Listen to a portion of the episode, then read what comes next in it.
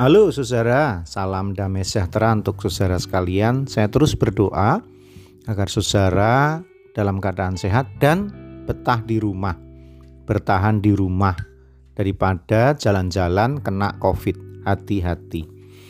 Masih ingat dua hari lalu dalam renungan emas saya beri judul kemurahan besar yang mengambil bacaan dari Yohanes 6 ayat 9 tentang seorang anak yang membawa lima roti dan dua ikan kepada Tuhan Yesus untuk dilipat gandakan.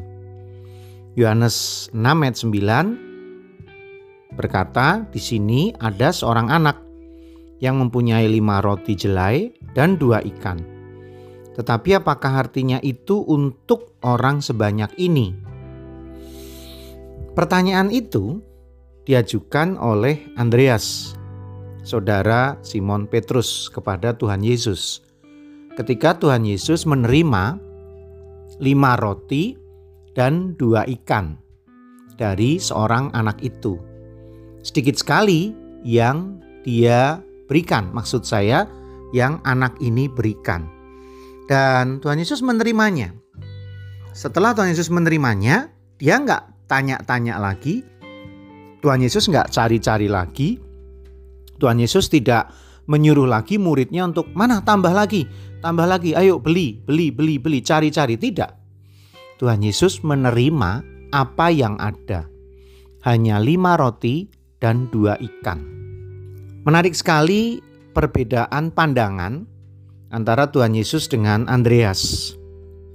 Andreas berpikir bahwa apa yang ada tidak cukup Andreas berangkat dari cara berpikir ini kurang, ini nggak cukup. Andreas berpikir secara logis dari sisi kacamata manusia wajar saja. Ada begitu banyak orang, setidaknya ada 5000 laki-laki, belum lagi perempuan dan anak-anak sedang menunggu mendapatkan jatah makanan. Di sisi lain, yang tersedia betul-betul hanya sedikit hanya lima roti dan dua ikan. Bagaimana bisa? Bagaimana bisa? Dan mungkin kalau saya ada di posisi Andreas, saya pun berlaku sama. Kalau hanya sedi segini, kalau hanya sedi sesedikit ini, bagaimana mungkin bisa cukup? Artinya masuk akal apa yang Andreas pikirkan. Dan sekali lagi, seperti itu jugalah banyak di antara kita. Sekarang ini dalam kondisi serba sulit dan rasa-rasanya sikap seperti Andreas adalah sikap yang tidak bijaksana karena menuntut lebih, meminta lebih.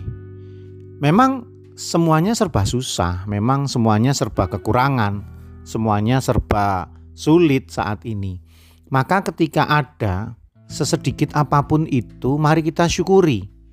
Misalkan karena kita sakit dan mendapat bantuan hanya sedikit eh, telur, beberapa bungkus mie, ya kita terima dengan ungkapan syukur dan berharap bantuan ada lagi. Intinya mari kita bersyukur dulu. Sudah ada bantuan saja bersyukur terlebih dahulu. Begitu juga dengan perawatan medis. Beberapa hari lalu istri saya berbincang-bincang dengan seseorang yang sudah berada di IGD. Tapi karena eh, nakes tenaga kesehatan begitu sibuk, dia merasa diacuhkan, merasa dicuekin. Dan dia eh, menelpon istri saya untuk mencari informasi apakah ada tempat di rumah sakit Cikini dan istri saya bilang penuh dan malah dia mengatakan bertahan saja di situ, sudah syukur udah di IGD. Karena kalau keluar dari sana, tempat itu pasti langsung diisi oleh oleh orang lain dan rumah sakit lain belum tentu bisa menerima karena memang kondisinya sedang crowded. Jadi bertahan, bertahan dan berharap eh, ketika ada keluhan kita mendapatkan giliran segera direspon. Sekali lagi kondisi memang serba kredit, maka yang ada, yang kita punya, yang sudah kita punya, mari betul-betul kita syukuri. dan berharap semua perkara ini segera lalu dan yang ada itu dicukupkan oleh Tuhan. Ya, dicukupkan oleh Tuhan. Andreas dan anak kecil itu tidak pernah menduga bahwa yang sedikit itu, yang hanya lima roti dan dua ikan itu, dilipat gandakan oleh Tuhan sedemikian rupa. Tidak hanya cukup untuk anak ini, tidak hanya cukup untuk Andreas, bahkan cukup untuk semua orang yang hadir pada waktu itu. Nah, ini pesan penting. Ketika kita diberkati dan berlimpah berkat kita, jangan lupa berbagi. Jadi, renungan ini penting untuk yang sulit bersyukur. Sudah ada, walau sedikit, sulit bersyukur. Belajarlah untuk bersyukur. Begitu juga yang sudah ada dan berlimpah. Jangan lupa bersyukur dengan cara berbagi. Mari kita terus menjadi berkat, karena dari sanalah sumber berkat itu tersalur tidak saja kita nikmati untuk diri sendiri, tapi untuk sesama. Mari dengan sungguh kita berdoa.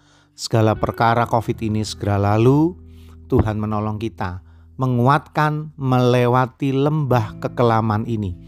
Perlahan, bersama-sama, dan saling menjadi berkat.